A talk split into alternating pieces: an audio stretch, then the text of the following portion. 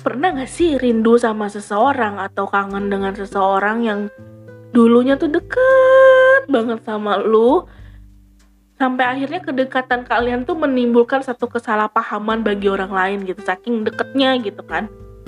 Dan kadang ketika rindu atau kangen itu datang tuh kayak bener-bener sampai nyesak banget ya ampun gitu kan? Kalau gue tuh sampai bisa loh ke bawah mimpi. Kadang bisa juga sampai tidur nggak nyenyak gitu loh. Saking rindunya pas di pas rindu itu datang sam kerasa sampai ke ubun-ubun. Gak pernah juga sih sebenarnya gue tuh kepikir kalau gue bakal seperti ini seasing ini seignore ini dan seberpaling ini dengan dia. Dan kemarin gue udah mencoba memberanikan diri gitu untuk menghubungi dia duluan. Awalnya seneng ya pas lihat nomornya masih gue simpen dan masih aktif juga berarti kan dia nggak ganti nomor gitu kan. Saat itu gue cuma berani nelfon dia di dering ketiga. Terus gue matiin. Gak berani gue ngelanjutin lagi. Kayak ada perasaan nervous gitu.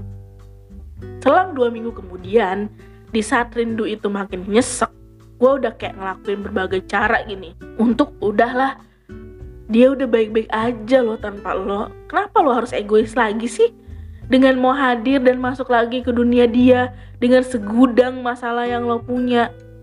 Gitu kan? Tapi gue batu banget emang anaknya. Gue tuh punya keyakinan bahwa sebenarnya dia juga ngerasain hal yang sama. Hanya saja karena gue tahu banget dia itu seperti apa jadi ya udahlah. I'm trying to call. Gue mencoba untuk telepon dia lagi. Nggak lama beberapa hari yang lalu lah. Nggak diangkat juga Emang sih gue telepon udah jam 10-an. Mungkin dia udah tidur kali ya. Tiga kali gue coba telepon, akhirnya gue SMS. Gini isinya, hey, kalau lu bangun, please baca ini sebelum dihapus ya. Sebelumnya gue minta maaf karena perlakuan gue yang buruk ke lo saat itu. Ya, I know. Gue bener-bener minta maaf dan berharap. Egois sih, tapi sebenarnya gue lagi butuh lu banget. Sumpah, gue pengen kita kayak dulu lagi ketawa konyol dan cerita apa aja. Gue kangen. Lo kan punya janji sama gue nggak akan ninggalin gue kayak teman-teman gue yang lain. Ayo dong tempatin janji lo. Gue juga akan berusaha supaya jadi orang yang lebih waras. Call me back, I'm begging you gitu kan. Tapi setelah gue telaah isi SMS-nya, lah iya isinya egois juga ya. Maksudnya tuh di isi SMS itu ya, iya gue mengutamakan perasaan dan kemauan gue lagi gitu. Ya udah deh akhirnya gue coba untuk ya udah kalau lu nggak balas ya udah gue ngerti gitu kan. Eh kebesokannya dia balas Pan, um, udah beberapa kali lah kita balas-balasan SMS tapi intinya adalah dia minta waktu buat take a breath gitu loh. Kasih space dia dulu pokoknya gitulah intinya. Nah pas gue baca pas gue paham maksudnya ya kecewa adalah ya sedikit. Tapi kan balik lagi gue tahu banget gimana dia. Gue tahu banget karakter dia. Jadi akhirnya gue mencoba untuk ya udah nggak apa-apa kok. Gak usah dipaksa kalau emang nggak bisa. Emang ini dasarnya keegoisan gue aja gitu kan. Oke okay lah. So just live on your life. And I try my best to understand how hard you to face it gitu kan.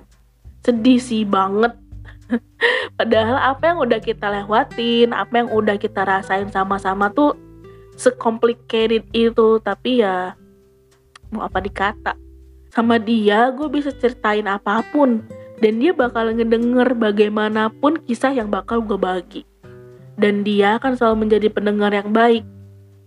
Selalu ngasih gue sudut pandang dia yang kadang bikin gue jengkel. Kenapa jengkel? Karena apa yang dia omongin tentang gue itu selalu benar dia itu tahu banget kalau gue si wanita keras kepala yang nggak suka dikritik, sensitif dan emosian. Tapi dia tetap mau jadi teman gue dan kita ketawa bareng dan sedih bareng. Kita ketemu waktu SMP ya. Saat itu gue ketemu sama dia di perpustakaan sekolah. Dia adalah orang yang tertutup tertutup. dia adalah orang yang tertutup banget istilahnya kalau kita datang ke rumahnya aja nih kita nih yang mesti buka pintunya dan menyilahkan diri kita untuk masuk ke rumahnya gitu. Nah begitulah dia. Ya awalnya pasti kayak aneh dan awkward aja kali ya.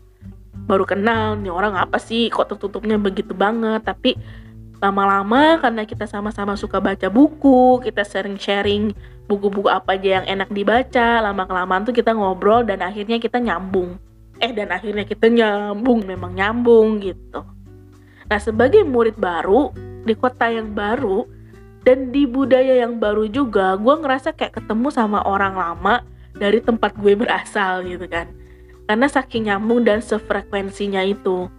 Gue sering banget diajak sama dia ke tempat yang bagus yang apa yang alam banget. Benar-benar bisa memfreshkan pikiran gitu kan di mana di sana juga kita bisa healing and do some deep talk about shit of life. Yes. Bayangin anak SMP ngomongin soal hidup. Gila nggak sih? Tapi itu kenyataan itu real banget. Gue sering banget cerita tentang kesedihan dan drama hidupnya gue ke dia. Dan dia juga sering cerita dan juga sering banget ngomong soal mimpi dan keinginan-keinginannya. Dia emang sedewasa itu dan seopen itu pikirannya dan juga seluas itu mainnya. And I like her very much.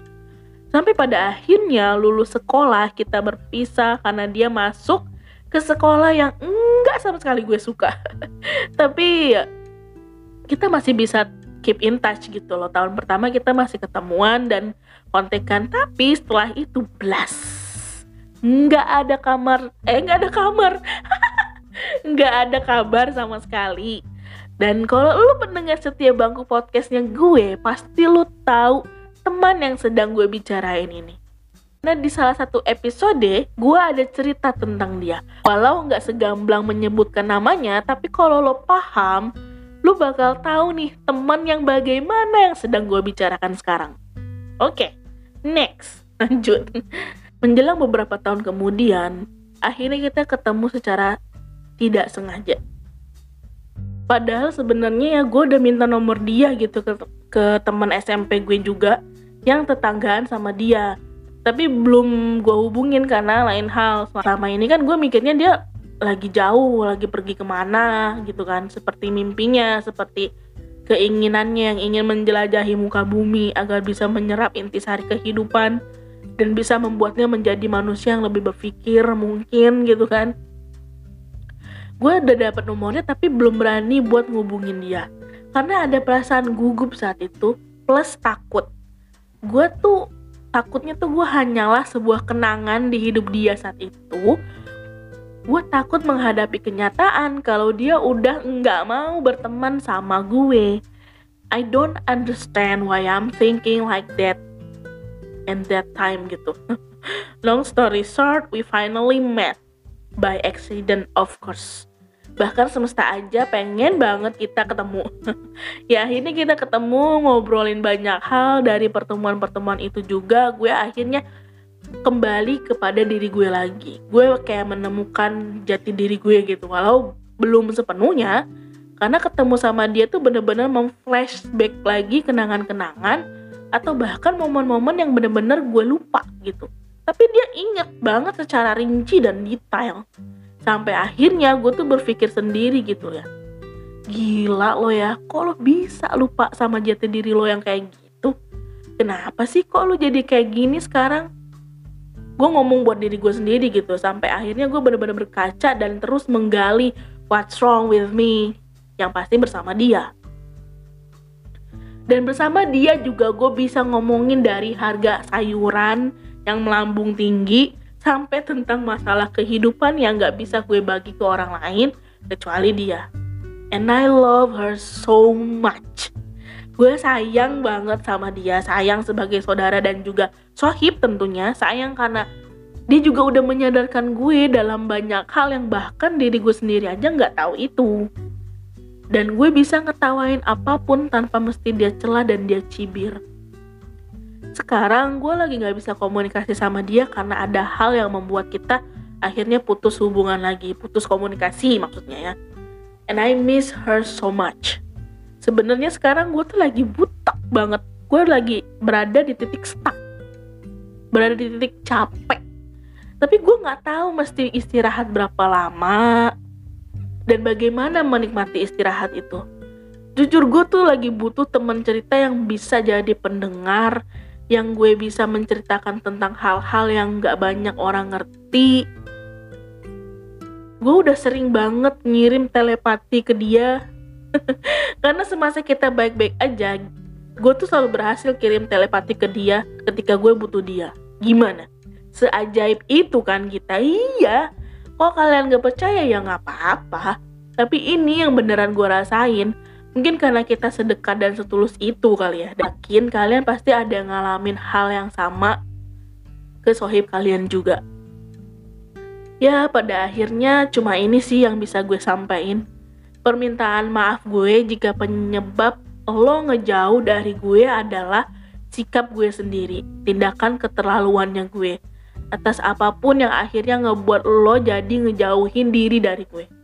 And I know, I realize, gue adalah manusia yang paling egois dan keras kepala, dan gue harus terima konsekuensi itu.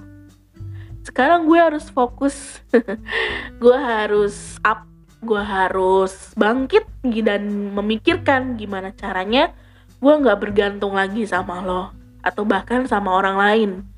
Gue harus bisa mengenal diri gue lebih dalam lagi walau kayaknya susah ya but I will try sehat-sehat lo di mana pun tempat persembunyian ternyaman lo ada.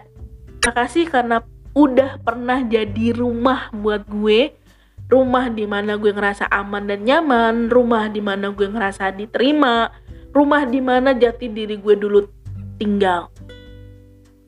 Mungkin jika suatu waktu semesta mengizinkan kita ketemu, semoga kita sudah ketemu di versi terbaik kitanya masing-masing ya.